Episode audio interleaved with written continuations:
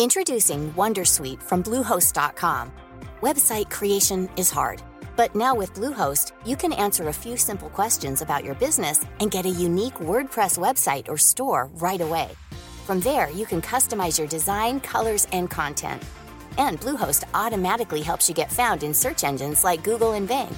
From step-by-step guidance to suggested plugins, Bluehost makes WordPress wonderful for everyone. Go to bluehost.com/wondersuite. Tired of ads barging into your favorite news podcasts? Good news. Ad-free listening is available on Amazon Music. For all the music plus top podcasts included with your Prime membership. Stay up to date on everything newsworthy by downloading the Amazon Music app for free or go to amazon.com slash news ad free. That's amazon.com slash news ad free to catch up on the latest episodes without the ads.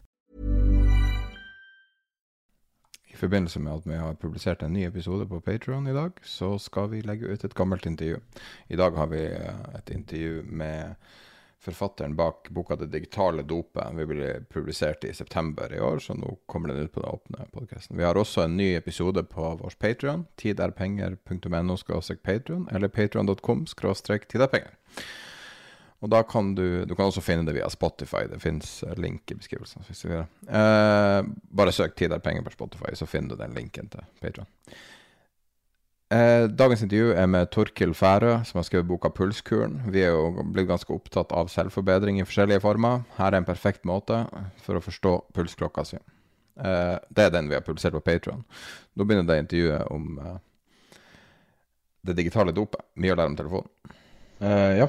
Da har vi gjennomført et nytt intervju med forfatter Ole Petter Gjelle, som er en lege som har skrevet fire bøker. Og vi skal snakke i dag om eh, Eller har gjennomført et intervju som handler om eh, boka 'Det digitale dopet'. Hva eh, mobilavhengighet og mobilbruk gjør med hjernen din, og hvordan det påvirker ting. Hva du syns du om intervjuet? Peter? Jeg syns det var kjempebra. Jeg syns du, du, fikk frem akkurat det jeg håpet du skulle få frem i uh, intervjuet. Så spørsmålene var kjempebra. Nå må jeg jo få lov å liksom tilføye at jeg leste den boken i sommer og syns den var kjempebra og veldig viktig. Og på basis av det så, så, så kontakter jeg deg om å, å få Ole Petter Gjelle på, eh, på podkasten. Så jeg er jo litt bias her, men jeg syns at budskapet er utrolig viktig. For jeg, jeg tror at folk er sløve i forhold til skadevirkningene. Du nevner jo innledningsvis i intervjuet at du, eh, at du hadde tatt kollektivtransport hvor alle sitter og ser på telefonene sine. Jeg eh, gikk eh, tur med hunden langs stranden i går. Og der, og der, var det akkurat det samme. Folk sitter sammen, alle sitter og ser på telefonene sine. Ingen, ingen snakker sammen. Det er, det, er, det er, en ukultur som, som trengs Eh, endret. Altså hvis vi bruker så mange timer om dagen som, eh, som eh, Gjelle har Jeg vet at han har grunnlag for å, for, for å påstå. Det er klart at vi tar den tiden fra noe annet. Og det er viktig, ikke bare det, altså at det er at man kanskje kaster bort tid, men også følgene av det vi gjør. Altså følgene av å som, som for øvrig kommer veldig godt frem i boken, av å da se på Spesielt for unge. altså Alt er vellykket på, uh, som de ser på på, på de, forskjell, de, forskjellige appene, være seg Instagram eller TikTok og, og, og, det andre som de følger med på, og som gjør at uh, individet føler seg uh, selv føler seg mislykket, den som ser føler seg mislykket. og at også fremprovoserer depresjoner. Det er ting vi skal ta på alvor. Det, det, dette er ikke bare å, ikke se så mye på, på, på telefonen din. Dette, dette har det, Vi snakker om varige skader. Skal vi bare gå i gang med intervjuet, da? Ja, la oss gå, gå, i gang med intervjuet. Og jeg håper at uh, virkelig at så mange som kan uh, få med seg dette intervjuet, for det er, dette er viktig. Hvis du skal se på det her situasjonen vi ser i samfunnet i dag, eller la meg beskrive det. Jeg tok bussen i går, jeg tar ikke så veldig ofte kollektivtransport. og sitter på busstoppet og ser over meg det er flere busstopp der, og jeg ser folk i alle aldre, eh, så godt som 100% sitter med å stirre på en liten skjerm med en tommel som beveger seg i en evig scroll. Um, for folk ser ut som zombier på og, og det deprimerer meg til, til, et så dypt nivå som jeg nesten ikke kan beskrive. Hvordan vil du se på det, hvis du tar det som en lege, hvis det er på en måte det man kommer inn med som symptomer? Hva, hva er det vi ser på her? Jeg vil jo si at jeg, jeg syns det er dypt urovekkende. Og altså, dette er jo blitt normen. Eh, faktisk så tror jeg det er sånn at hvis du går inn på en T-bane eh, i morgenrushet i Oslo, og du setter deg ned, og så legger du mobilen i lomma, så stirrer du bare ut i vogna, så begynner jo folk å lure på om det er noe galt med deg, vet du. Eh, fordi absolutt alle andre sitter helt fanget i mobilen sin, enser ikke hva som skjer rundt det. Altså, det finnes vel knapt en arena i livene våre hvor vi ikke lenger bruker mobiltelefonen og er på skjerm. Altså, vi har den på soverommet når vi bør sove, vi har den med oss på do, vi har den når vi spiser, når vi kjører bil, når vi sitter i møter. Og jeg tror det mest urovekkende ved det, det er at uh, i dag så bruker vi i snitt da fire-fem timer på noe vi ikke brukte noe tid på uh, for 10-15 år siden. Og det er klart, bruker du fire til fem timer mindre eller på noe som du aldri brukte tid på før, så er det noe vi gjør mindre av. Og det tror jeg er det mest uh, urovekkende ved bruken av skjerm, er at det er så mange andre ting som er så viktige for oss mennesker for å ha det bra, som uh, blir skadelidende når vi bruker så mye tid på skjerm. Er det noen Altså, vi hører jo veldig mye snakk om fra litt sånn amatører, sånne som meg f.eks., som sier ja, det er utløse hormoner i hjernen din når du får en like, og, og du sitter der og ruser, det er akkurat som du sitter med heroinsprøyte i handa. Men det er jo bare meg som en amatør. Fins det noe du kan målbart si at uh, det gjør noe med hjernen din som uh, kan måles på et eller annet vis, som, som gjør at den her tilsynelatende avhengigheten skapes? Hva, hva er det ja, som skjer? Ja, absolutt. Altså, vi har jo et uh, belønningssenter inne i hjernen vår. Og det belønningssenteret, det evolusjonsmessige poenget med belønningssenteret vårt, er å påvirke atferd. Sånn at når vi gjør ting som er bra for oss, uh, så skal vi bli belønnet. F.eks. hvis du får nok søvn, hvis du spiser god mat, hvis du har sex, hvis du beveger deg, så utløser det en dopaminutskillelse som gjør at du føler velvære. Det det er belønningen din. Det forsterker selvfølgelig den gode atferden, altså som påvirkes hjernen vår gjennom evolusjonen til å ta gode valg, sånn at vi lever, eh, overlever. Um, og så viser det seg, uten at vi helt skjønner hvorfor, at vi får en ganske så betydelig utskillelse av dopamin også, når vi f.eks. hører disse varslene på telefonene våre, når vi ser at noen har vært inne eh, og likt bildene våre. Og vi tror vel det handler om menneskelige behov til å være en del av et uh, fellesskap, bli sett, bli anerkjent. Det gir en belønning, fordi at det å være en del av en flokk, bli sett, bli anerkjent, det beskyttet oss mot uh, fiender, f.eks. Uh, på savannen. Var du i en flokk, så var du beskyttet, som, i motsetning til å være aleine. Så kort fortalt, ja, når det plinger på telefonen din, når du ser at det er noen som har likt bildet ditt, når du har fått en ny følger på Instagram osv., osv., så, videre, så skilles det ut dopamin, vi føler velvære, vi blir avhengig. Og det er jo det som skiller denne teknologien vi bruker så mye i dag, f.eks. mobiltelefoner og skjermer, fra gårsdagens teknologi, TV og radio, eh, den viktigste forskjellen er at mobiltelefonen din, alt fra innpakningen til fargene på ikonene, f.eks. Instagram, alle disse regnbuefargene, eh, til lyder, til egenskaper med likes og streaks osv., osv., det er laget for å gjøre deg avhengig. Altså, det er laget av teknologiselskapene for å distrahere deg vekk fra det du driver med, over på deres plattformer. Da tjener de penger. Så denne teknologien er veldig avhengighetsskapende, og det kan vi måle. Vi kan måle det ved å gjennomlyse hjernen levende mennesker som, eh, er inne på Facebook, får disse lydene, så ser vi at det lyser opp med dopaminutskillelse i belønningssenteret. Så ja, uten tvil, det er avhengighetsskapende. Så vi har hørt mye snakk om hormoner, og det er som eh, sånne eh, folk som ikke vet noe, sånn som jeg sier, er liksom ja, det er, det, det er dopamin, det er endorfin, det er adrenalin, det er det, er det kun dopamin? Og, og, og, ikke minst, hva er dopamin, og eventuelt andre ting som skilles ut? Ja, det er flere kjemiske stoffer som skilles ut. Akkurat ved dette belønningssenteret vårt, så er det dopamin som står helt sentralt. Og dopamin er et signalstoff i hjernen. Det brukes til veldig mye forskjellig.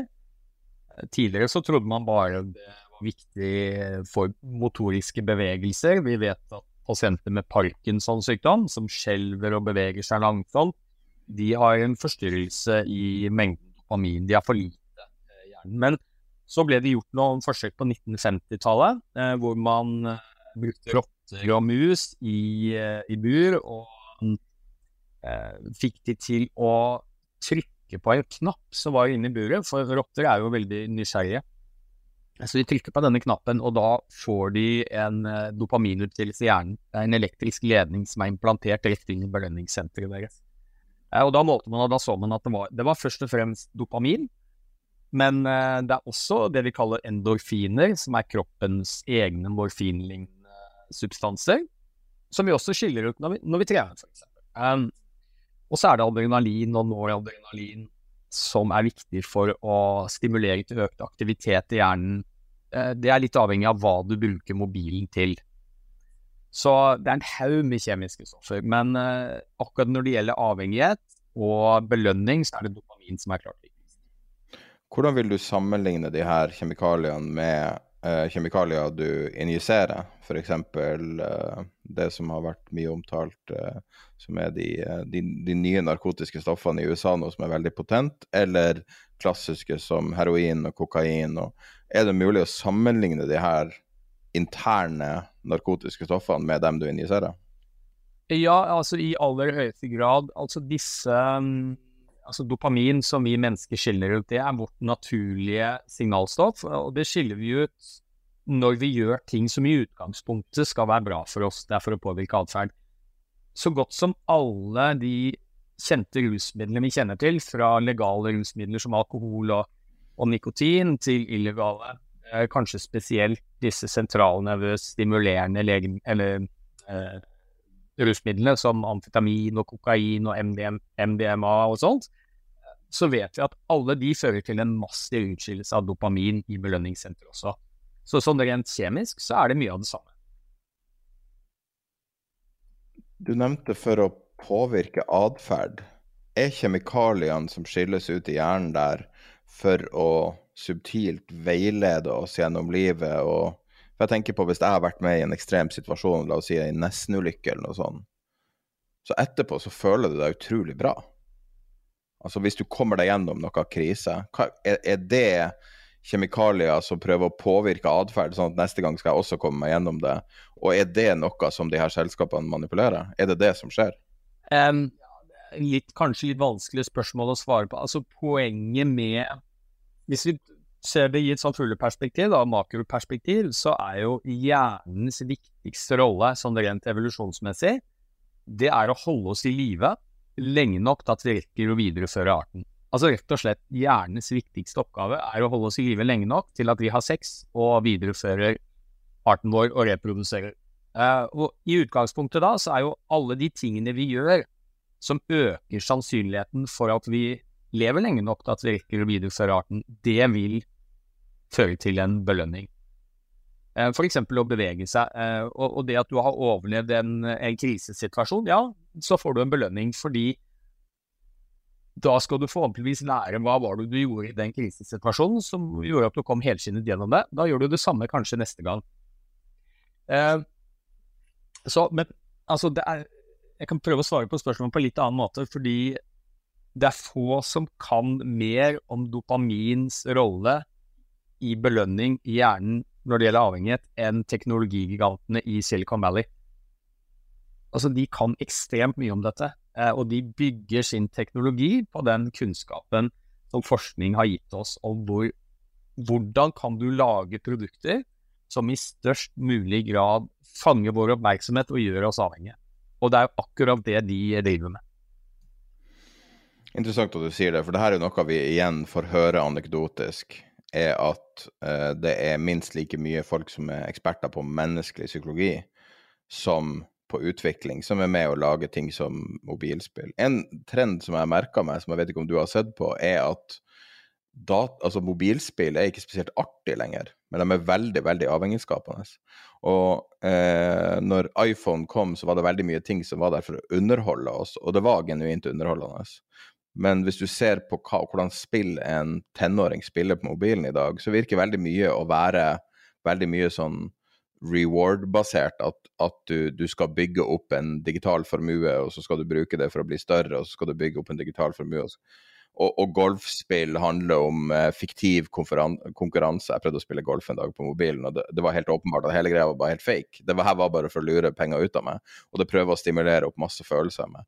Stemmer de her antakelsene at, at de faktisk bruker det her? Er, er det dokumentert at de sitter psykologer og jobber med nyanser, som du sier, farger, eh, de her dynamikkene med eh, coins eller likes eller, oh, ja. eller eh, om det er akkurat psykologer som sitter og jobber med det, det er jeg ikke sikker på. Og det er jo flere nå som eh, har kommet fram, som har jobbet i disse store teknologigigantene, Meta f.eks., eier av Facebook og Instagram, som, som, rett og slett sier at vet du hva, da vi startet eh, Facebook og Instagram, eh, vi hadde jo som mål å få flest mulig brukere og få dem til å bruke mest mulig tid på våre plattformer. Det skaper annonseinntekter osv. Eh, men de sier vi hadde ingen idé om at det ville være så avhengighetsskapende. Altså det Det var det de hadde i tankene, men de trodde ikke det skulle være så effektivt. Og det er definitivt folk som sitter og fintuner fargekombinasjoner i på apper, altså på, på ikonene, på lydene. Lydene er ikke tilfeldige. Vi vet jo f.eks. at hvis du gjør et enkelt grep på mobilen din, Eh, og gjør alle appene dine grå, sånn at telefonen din ser dritkjedelig ut, hjemsiden din har bare grå ikoner, så bruker vi Instagram 30% mindre. Wow. Eh, og, og, så er det en annen ting også, du, i tillegg til å gjøre det avhengighetsskapende, som jeg tror er kanskje en vel så, eller en like viktig forklaring på hvorfor vi bruker disse skjermene våre, appene, så mye. Ofte mer enn det vi vil selv, og definitivt mer enn det som er bra for oss. Og det handler om noe vi kaller stoppsignaler. Altså, et stoppsignal det er jo noe som er innebygget i teknologien du bruker, som sender et signal til deg om at nå må du revurdere om du skal fortsette med det du holder på med, eller gjøre noe annet. Ikke sant? Du ser på gammeldags analog TV, og så er Dagsrevyen ferdig klokken 19.30, f.eks. Da må du vurdere om du skal se neste program, som begynner om fem minutter, eller om du skal gjøre noe annet. Du leser et kapittel i en bok, du er ferdig. Skal du fortsette, eller, fortsette, eller, eller la være å finne på? Så dagens teknologi er med vilje frarøvet alle stoppsignaler. Er du på Facebook, så er det ingen bunn. Du kan scrolle til du blir nummen i fingrene. Eh, ser du på en YouTube-video, og den er ferdig, så begynner neste å spille automatisk. Ungdommene våre som spiller Fortnite, eh, veldig populært spill, skytespill. Eh, du kan ikke stoppe spillet og pause, da må du begynne på nytt. Eh, og spesielt unge mennesker, da, som har en hjerne som ikke er helt ferdig modnet, og som har litt problemer med å se konsekvensen av handlingene sine, på samme måte som vi voksne gjør, det er jo en viktig grunn til at de kan sette seg ned med en skjerm og sitte i åtte-ni timer og spille. Glemme å gå på do, glemme å spise.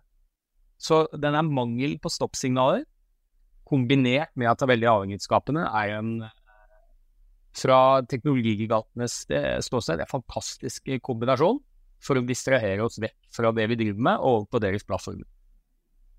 Det du omtaler, er vel det som kalles doomscroll, er det ikke det? At det mm. aldri stopper? Ja.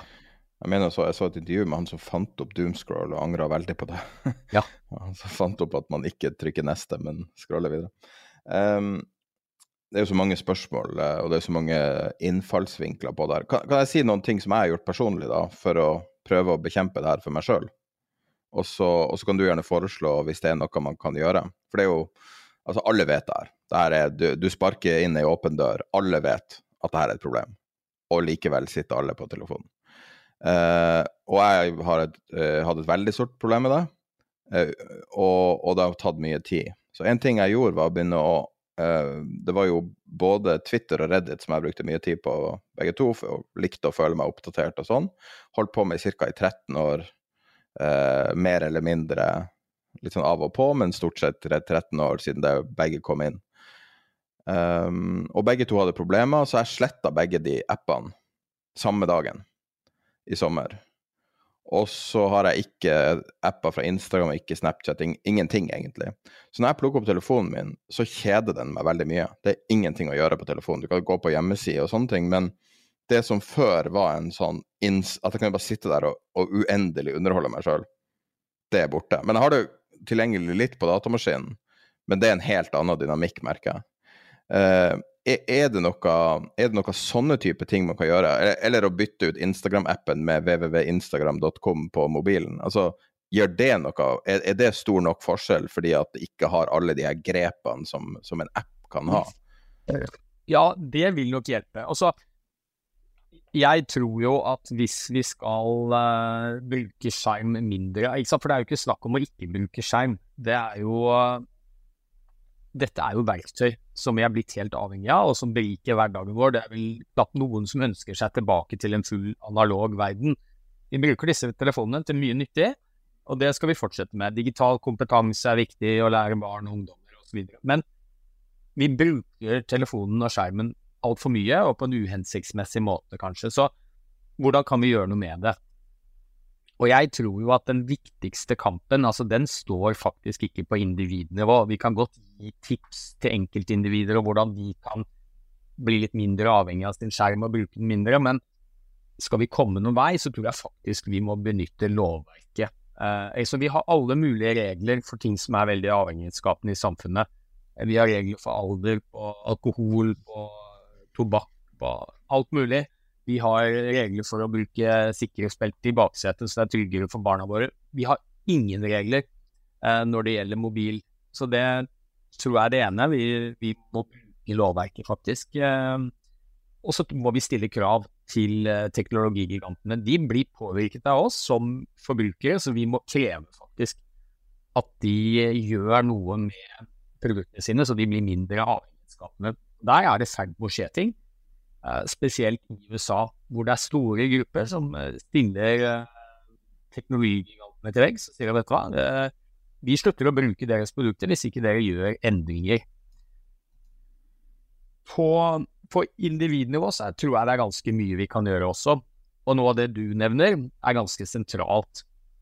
Vi har gjort noen studier hvor vi har sett at hvis du ikke nødvendigvis fjerner appen din, det er veldig effektivt. Hvis du tar hvis du vet du er mye på Facebook eller Insta, så bare fjerner du fra telefonen, så har du på mange måter løst et problem. Uh, det er det ikke alle som får til. Men hvis du gjør alle appene dine grå, enkelt tastetrykk på mobilen, så blir telefonen din dritkjedelig. Du bruker den 30% mindre. Uh, hjernen din er også ganske lat. Så hvis du gjør det litt mer tungvint å komme deg inn på de appene du bruker for mye, f.eks. Facebook, Scroll tre-fire ganger til venstre på telefonen din, lag en mappe. Lag en ny mappe inni den mappen, og inni der så putter du Facebook-appen. Så vil hjernen din, når du setter deg på T-banen og tenker nå har jeg ett minutt til å gå på skjerm, så gidder du ikke. For det tar så lang tid å finne fram til den Facebook-appen. Eh, ha regler for deg selv hvor du har tidspunkter på døgnet, soner i huset hvor du har bestemt deg for at du ikke skal bruke mobil.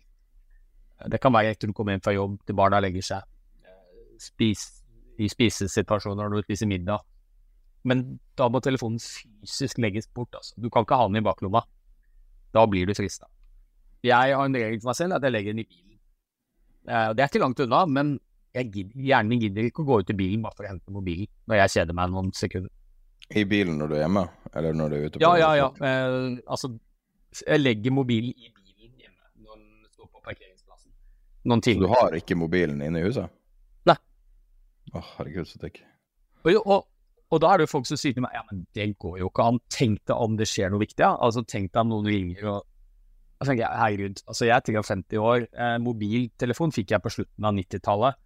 Klarte meg helt fint. Altså, vi må jo ikke være tilgjengelig 24 timer i døgnet. Når var sist gang du fikk en telefon hvor det handlet om liv og død? Jeg har fått en sånn, og det setter en støkk i deg som du aldri glemmer.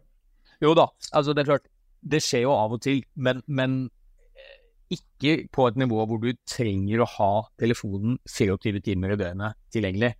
Det tror jeg skaper flere problemer enn det løser. Um, fjerne lyder, det vet vi. Det, den plingelyden som kommer fra appene dine, fjerner du de, så bruker vi telefonen skjerm 30-40% mindre. Men som et kompromiss, da. En ting jeg har gjort, er å fjerne alle lyder som telefonen lager. Den ringer ikke, den piper ikke, den vibrerer ikke. Gjør det noe alene? Altså, Å legge den i bilen er jo en veldig drastisk løsning, men jeg ser hvordan det kan funke. Å vende kroppen av den følelsen av at du alltid har mobilen på deg. Men hvis du bare tar bort lyden, hvis du bare eliminerer, som du sier, farger, og hvis du kanskje fjerner TikTok, som jeg tror kanskje kan være en god idé, Uh, har det så stor påvirkning? Altså, uh, du, har, du, har, du, prøvd å måle sånne type ting? Altså ba, bare de passive tingene man kan gjøre uten å fjerne det praktiske med det? Ja, jeg har ikke målt det, men det er forskere som har sett på det, og da er det litt sprikende resultatet. Men uh, det enkle svaret er ja, det hjelper. Så hvis du har en kombinasjon av at du tar og fjerner noen av fargene, så blir det mindre dopaminutskillelse. Det er jo motivasjonsbiten blir da borte.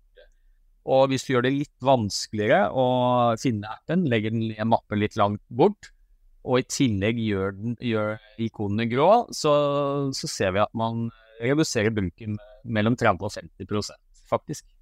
Så det er veldig effektivt. Hvis man klarer å holde fast ved det, da.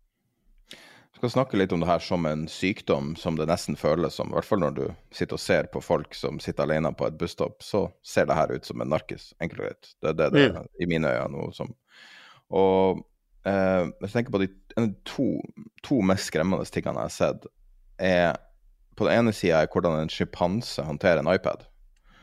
Uh, veldig intuitivt. Å greie å sitte og scrolle i bilder og åpne opp og, luk og lukke og fjerne. Egentlig bruker det ganske bra, men på den samme måte en toåring med en iPad. Det er virkelig sånn dystopisk uh, syn. Uh, vet vi hva det her gjør med, med, små barn, både fysiologisk og psykologisk? Jeg har hørt tidligere at det også kan påvirke ting som øyeutviklinga å sitte med en skjerm i så tidlig alder, fordi at øyet driver fortsatt og justerer seg på et fysisk nivå, og ikke minst psykologisk. Da. Ja, vi vet litt. Og liksom bakgrunnsteppet her, så um, Jeg har sittet i et panel i Helsedirektoratet, sånn faglig ekspertpanel, hvor vi lager um, nasjonale anbefalinger for fysisk aktivitet og stillesetting. Eh, det lager vi til befolkningen hvert femte år. Og det er basert på all forskning som er gjort på verdensbasis uh, hvor viktig det er å bevege seg. Blant annet for barn, unge og voksne. Og i de anbefalingene som kom nå i fjor, så har vi for første gang tatt med skjermtid. Og det har du kanskje fått med deg i media, det var litt ramaskrik. Der anbefalte vi at barn under to år ikke skulle bruke skjerm i det hele tatt. Og er du eh, litt over to år, så skal du bruke det minst mulig. Og er du ungdom og voksen, så maks to timer hver dag. Og det er jo basert på det vi vet uh, av forskningsstudier. Og, men så må vi huske én ting, og det er at uh, dette fenomenet med å bruke skjerm, sånn som vi bruker det i dag, det er et veldig nytt fenomen. Det oppsto egentlig ikke før 2007-2008, da iPhonen kom på markedet for fullt. Så det er litt begrenset hvor mye forskningsresultater vi har på langtidseffekten av å bruke skjerm. Det har slett ikke gått lang nok tid. Men spesielt når det gjelder barn, så altså opererer vi litt etter uh, føre var-prinsippet. Og det vi vet fra forskning, er at uh, barn under to år som er mye på skjerm, uh, de har forsinket hjerneutvikling. Ikke irreversibel hjerneskade, men de lærer seg å snakke seinere, de lærer seg å gå seinere, de har dårligere kognitiv utvikling, intelligens. Hjernens generelle utvikling går langsommere. Det ser vi klart og tydelig. Og det handler ikke om at skjermen i seg selv gir hjerneskade til barn, men det handler om at hvis du har en toåring som sitter to timer, eh, ligger passivt foran en skjerm, så er det noe det barnet ikke får, som er helt sentralt for hjernens utvikling, og det er jo bevegelse. Ekstremt viktig for barn. Berøring, nærkontakt med omsorgsperson, mor eller far eller andre. omsorgspersoner. Eh, det blir det mindre av når du er på skjerm. Så um, hevet over enhver tvil altså, at de minste barna de har absolutt ikke godt av å være så mye på skjerm. Um, hvis vi ser på det her som en sykdom igjen, da. Uh, hva er et vanlig symptom eller tegn på at du er avhengig av mobilen? Ja, og så er jo da litt av det som er utfordrende her, det er jo at uh, mobilen er jo et nyttig verktøy også. Det er ikke som en del andre ting vi blir avhengig av. Det er vanskelig å argumentere for noen nytteeffekter av heroin eller kokain eller alkohol for den saks skyld. Sånn at når er det det går fra å være en, kall det en sunn avhengighet, altså du, du, bruker disse verktøyene i det daglige for å gjøre livet ditt bedre, og når er det det blir et problem, og du er blitt avhengig. Det er utrolig vanskelig å si, men jeg vil jo si at det er, og det er jo noen spørreundersøkelser du kan ta da, som gir deg lite hint om du er avhengig. Hvis noe av det første du gjør på morgenen er å sjekke telefonen din, og noe av det siste du gjør før du legger deg på kvelden, er å være på skjerm. Hvis det er sånn at det går utover hverdagsfunksjonen din, altså det er andre områder av livet ditt som lider fordi du er på skjerm, du bruker mindre tid med familien din, med venner, med bekjente, du beveger deg mindre, du sover mindre, eh, så ville jeg sagt at da er det et problem. Da, da, da er det en problematisk avhengighet. Det høres veldig ut som alkoholavhengighet, det, det siste du beskrev. Ja da, og, og det er jo, er jo spørsmålet da For å kalle noe avhengighetsskapende, så er det, så er det noen kriterier som har vært på plass. Eh, det ene er at du får en ubehagelig følelse når du ikke bruker rusmiddelet eller teknologien, det vi kaller abstinens.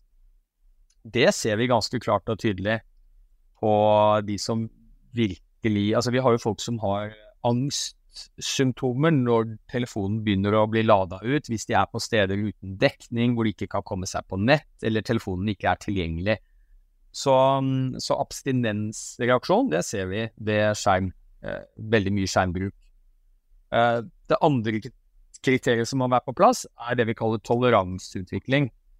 Som betyr at du må stadig vekk øke dosen av eh, rusmiddelet ditt for å få samme effekt som du tidligere fikk med en lavere dose. Mm. Alle som har drukket alkohol, vet jo det at første gang du drikker alkohol, så skal det veldig lite til før du blir berusa. Drikker du litt over tid, så må du stadig vekk ha mer alkohol for å få samme promille som du tidligere fikk med lavere dose. Eller samme ruseffekt, da. Der er vi litt usikre eh, når det gjelder skjermbruk. Er det sånn at du må stadig vekk bruke mer skjerm for å få samme belønning som du tidligere fikk med litt mindre? the jury is still out. Der er det ingen helt sikre eh, resultater ennå. Man kan vel argumentere med at appene har blitt vesentlig flinkere til å gjøre det avhengig. Og hvis man ser på um, de genistrekene de har gjort opp igjennom, så tror jeg ordet 'like' var en helt vanvittig genistrek når det ble funnet opp av Facebook. Og samme at samme følger på Twitter, det at det kalles følger, ikke abonnent f.eks., tror jeg har en ganske stor psykologisk effekt på brukerne. At de føler at de har en følgerskare. Jeg husker når det kom, folk diskuterte følger, følger, følger, følger hele tida, liksom. Du, eh, absolutt, og, og, spesielt det du nevnte med likes, revolusjonerte Facebook. Det var da Facebook gikk fra å være noe som noen hadde som ikke hadde så veldig stor impact, til plutselig å bli allemannseie. Og, og, det de gjør der, er jo at de hacker inn i et sånn dypt menneskelig psykologisk behov for å være eh, en del av et fellesskap, være en del av noe større. Det å bli anerkjent og det å bli sett. Altså, det er jo en av de tingene som motiverer oss aller mest.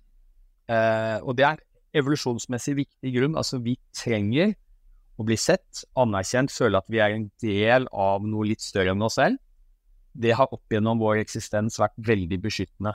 Redusert sjansen for å bli drept. Vi overlevde bedre på savannen om vi var en del av en flokk, enn om vi var bare enkeltindivider alene. Da var vi mer eh, utsatt for å bli drept, rett og slett. Og det er jo nesten et sånt sosialt selvmord, vet du. Det å legge ut noe på Facebook, og så ikke få noen likes. Altså, det er noe av det verste som kan skje. Så det, vi, vi blir ekstremt belønnet når vi ser at noen liker det vi har gjort. Noen ser oss, anerkjenner oss. Vi er en del av et fellesskap. Så den like-funksjonen fra Facebook sin side har vært helt genial.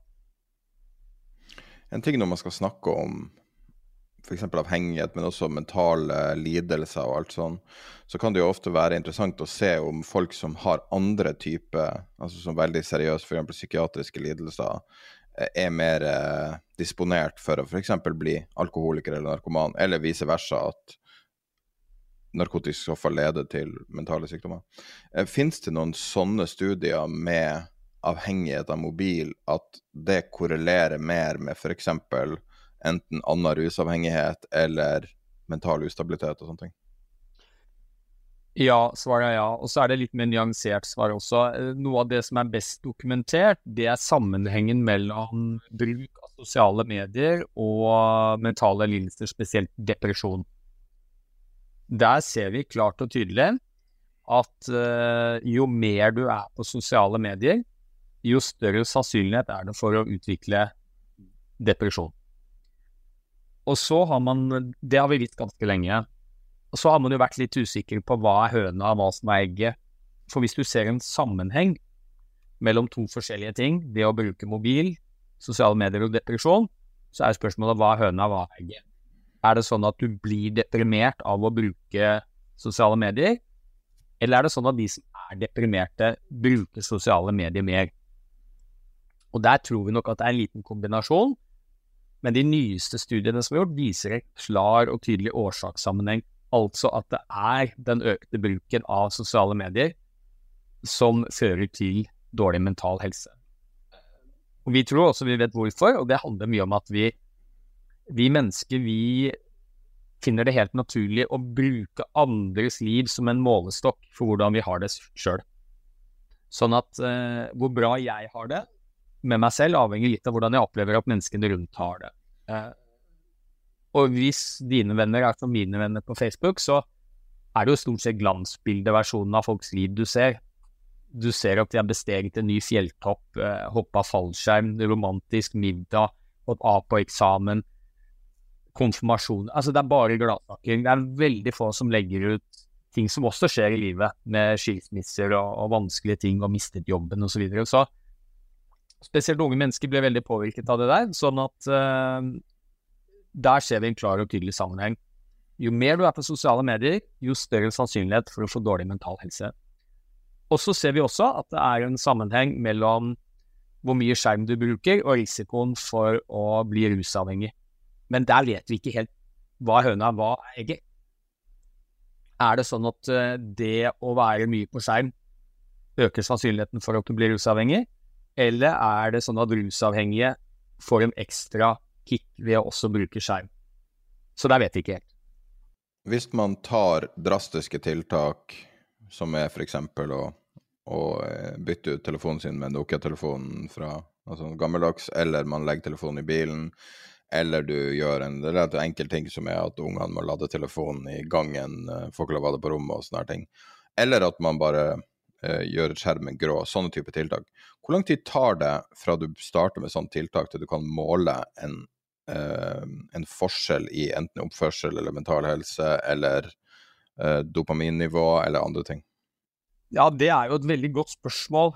Eh, jeg, eh, basert på all den forskningen som er gjort, så, så tror jeg vi kan, og som jeg også har skrevet om i den boken min, Det digitale dopet, så tror jeg hvis vi skal oppsummere litt hva som er det største problemet med å bruke skjerm så mye som vi gjør, så er det at det stjeler tid fra, fra, andre viktige aktiviteter som vi trenger for å ha det bra. Søvn, fysisk aktivitet, bevegelse, sosialt samvær, for å nevne tre. Da. Og det vi ser veldig tydelig, er jo at uh, hvis du klarer å kutte ut mobilbruken din, eller ikke kutte ut, men kutte ned, da. La oss si at du har noen regler for deg selv om hvor du putter telefonen, og ikonene blir grå, og uh, du fjerner litt lyder og så ser vi kanskje at man bruker telefonen en time mindre hver dag. Det vi kan måle, det er jo at når du bruker telefonen din en time mindre hver dag, så sover du litt mer, du beveger deg litt mer, og du er mer sosial. Som er tre av bærebjelkene for helsa vår. Fysisk helse og mental helse. Så indirekte så kan vi måle eh, at det er bra for deg. Ikke sant? Fordi eh, du gjør mer av de tingene som vi vet veldig godt er viktig for oss. En ting jeg har lurt litt på igjen når man sitter på et busstopp og ser på en 50-60 stykker i alle aldre, hva er det, og ikke minst, det er jo et vanskelig spørsmål å svare på men hva du tror som er årsaken, underliggende årsak, til at man velger telefonen over f.eks. partneren står ved siden av deg, eller vennen din, eller bare å sitte og lukte på verden. Er det, en, er det noe man prøver å flykte fra? Er det en, er det en eh, ja, er det en escape, eller er det, er det noe dypere ting? Hva du tror som er den underliggende årsaken til det her? Nei, altså Jeg tror den underliggende årsaken handler ikke om at det er noe som mangler i livene våre, eller at vi flykter fra noe. Jeg tror rett og slett at det er at den, den teknologien der, den er så avhengighetsskapende. Eh, og, og, jeg sammenligner litt med en som, en som, røyker, eller en som bruker snus, eller hva det måtte være for noen andre avhengighetsskapende substanser og ting. da. Så, så, så kan jo jeg spørre folk eh, Jeg har jobbet som fastlege mange år og spurt folk som røyker hvorfor plukket du opp en røyk nå, eller hvorfor røyker du nå? Nei, det vet ikke. Det, det de tenker ikke over det. Altså, det er blitt en uvane, en avhengighet, som man gjør litt på autopilot. Og jeg tror det er den viktigste grunnen til at vi er så mye på skjerm. Ikke fordi det mangler noe eller vi flytter fra noe, men rett og slett fordi at det er så jækla avhengighetsskapende at det er vanskelig å la være. Eh, komikeren Bo Burnham, veldig sånn gjennomtenkt, relativt ung fyr, eh, sa i et intervju en gang at eh, han skulle prøve å snakke om liksom, hva han trodde om framtida, kontra sosiale medier og alt sånn. Og og det han sammenligna, var nettopp med røyking. Og da var det sånn at når vi ser tilbake på 60-tallet, så var det sånn ja, legen min røyka. Og så skulle han, skulle han se tilbake på nåtida, og så var det eh, Yeah, my psychiatrist had a Twitter. ja. Tror du vi kan havne i en sånn uh, situasjon der at nå når du står og røyker på et gatehjørne, så ser du ut som en idiot. Altså Det er helt uforståelig at noen kan stå og røyke i 2023.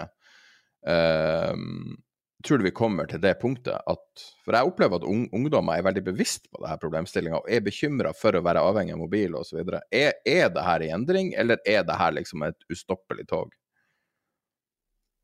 Veldig godt spørsmål. Jeg tror det kommer til å skje endringer. Jeg tror det kommer Jeg tror eh, selvfølgelig at eh, disse telefonene er kommet for å bli. Vi kommer til å bruke det. Vi kommer til å bruke det masse. De er nyttige også. Men jeg tror det kommer til å skje noe uh, av to årsaker. Igjen fordi vi som enkeltindivider blir mer og mer klar over at dette faktisk ikke er bra for oss. Det er litt som røyking. Mine foreldre røykte begge to. Uh, og det var mest fordi da de begynte å røyke, faren min begynte å røyke på 1950-tallet, så var det jo ingen som visste at det var farlig. Det ble sett på som litt kult. Uh, og så ble man gradvis klar over skadevirkningene. Det var mange, mange tiår før man skjønte det. Og da begynte jo folk å slutte å røyke. Uh, og sånn tror jeg det kommer til å bli litt med skjerm også. Vi kommer ikke til å kutte det ut, men jeg tror de aller fleste får mer og mer kunnskap om og erfarer sjøl. At det rett og slett ikke er bra for oss å være så mye på, på skjerm. Så det blir en slags selvregulering der. Og så tror jeg at myndighetene kommer på banen, og det ser vi allerede litt tegn til. At man prøver å lage noen restriksjoner for uh, skjermbruk. Det kan være altså en mobilfri skole til aldersgrense hvor du må inn med bank-ID for å logge deg på visse spill. Altså, mulighetene er uendelige. Men så tror jeg også at vi som forbrukere eh, har så stor eh, makt at vi, vi, vi, kan og kommer til å tvinge disse eh, store produsentene til å gjøre noen endringer i teknologien sin. For å gjøre det mindre avhengighetsskapende. Akkurat som myndighetene gikk inn og regulerte hvor mye nikotin du kan putte i sigarettene, f.eks. Eh, så ja, eh, jeg tror det kommer til å skje endringer. Jeg tror jeg kunne ha snakka med deg i timevis, jeg skal bruke så mye mer av tida di. Bare et siste spørsmål. Du nevnte fem timer i stad. Er det et uh, tall som er mobilbruk? Og når du sier akkurat fem timer, så bare husker jeg tilbake fra slutten av 90-tallet, når de snakka om hvor mye amerikanere så på TV. Og da mener jeg å huske at det var akkurat fem timer. Har vi bare erstatta TV-en med mobilen? Nei, vi har jo ikke det, for vi, for vi bruker skjerm eh, altså Når jeg sier skjerm, så mener jeg da primært mobiltelefon, men også iPad. er veldig mye mer enn det vi har brukt TV. Uh, og så er det disse forskjellene som jeg sa tidligere, at uh, TV-en er ikke laget for å gjøre deg avhengig, det er telefonen. Og du har disse stoppsignalene, så Ja, nei Vet du hva, nå begynte jeg på et resonnement, og så husket jeg ikke helt første delen av spørsmålet ditt. Nei, det var om ta ta en gang til, Sverre. eh, Og det var om, uh, om vi egentlig bare har bytta ut TV-en med, med enheter. Nei, Uh, vi har ikke Siden det. Altså. altså, til, bare siden du sa fem timer, det var derfor jeg stussa på det. For for meg høres det lavt ut. Ja, altså tallet her Saken er at vi har ikke veldig gode tall på nøyaktig hvor mye tid vi bruker på mobil. Eh, Iallfall ikke når det gjelder voksne. Men vi har ganske gode tall når det gjelder barn og ungdommer. For da har vi noe som heter Ungdata-undersøkelsen. Og der ser vi vel at i snitt så bruker ungdommer eh, fire timer på skjerm hver dag. Det er utenom skoletid. Så det er bare bruk før og etter skolen. Og så er det en tredjedel av ungdommene som er minst seks timer eh, på skjerm hver dag. Ikke sant? Og det, jeg mener det er først og fremst urovekkende fordi vi ser at er du seks timer på skjerm hver dag, så leker du mindre ute på løkka, du er mindre med kompisene dine, du er med på færre fritidsaktiviteter, du beveger deg mindre, du sover mindre. Og da, da er vi inne på bærebjelkene for normal og god utvikling og helse hos barn. Det er å få nok søvn, det er å være i bevegelse, det er å utvikle sosial kompetanse gjennom vennskap og lek. Så det er grunn til å være, bekymret, syns jeg. Til slutt, hvor du tror vi ender? Ender vi opp på et sånn romskip, sånn som i eh, den tegnefilmen Wall-E, der det sitter alle morbid overvektig på en sånn flygende stoler og bare blir underholdt uh, kontinuerlig? Er, er det det som er endgamen her? Nei, jeg tror ikke det. Og det er jo selvfølgelig mange grunner til at vi blir både, både overvektige og inaktive. Uh, mobilen er én av mange årsaker.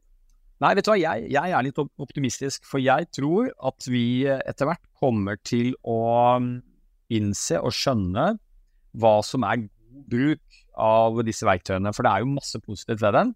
Og at vi i større og større grad klarer å vinkle det over dit. Og rett og slett huske at er, mobilen er til for oss, ikke motsatt.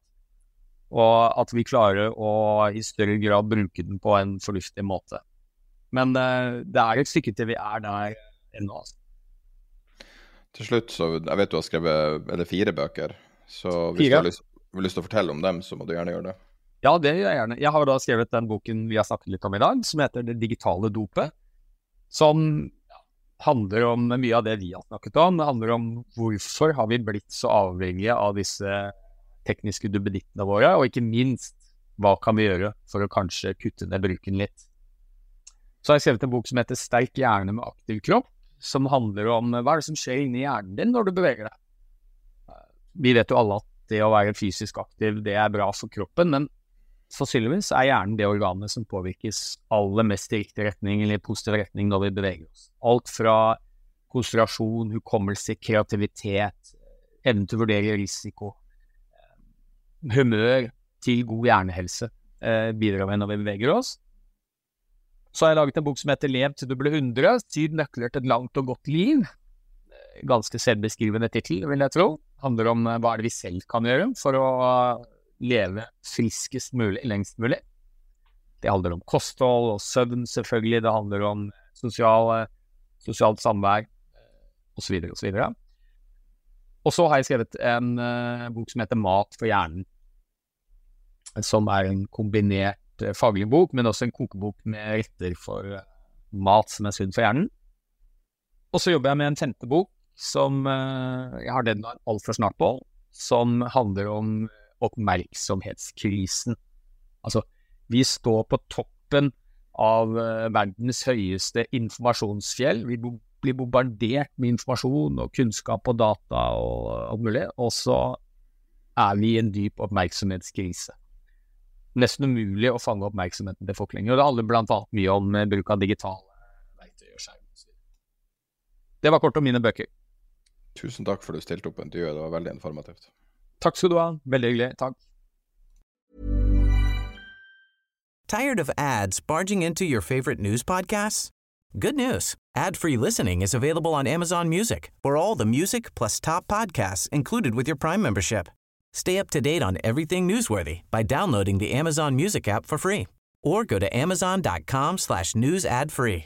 That's amazon.com slash news ad free to catch up on the latest episodes without the ads.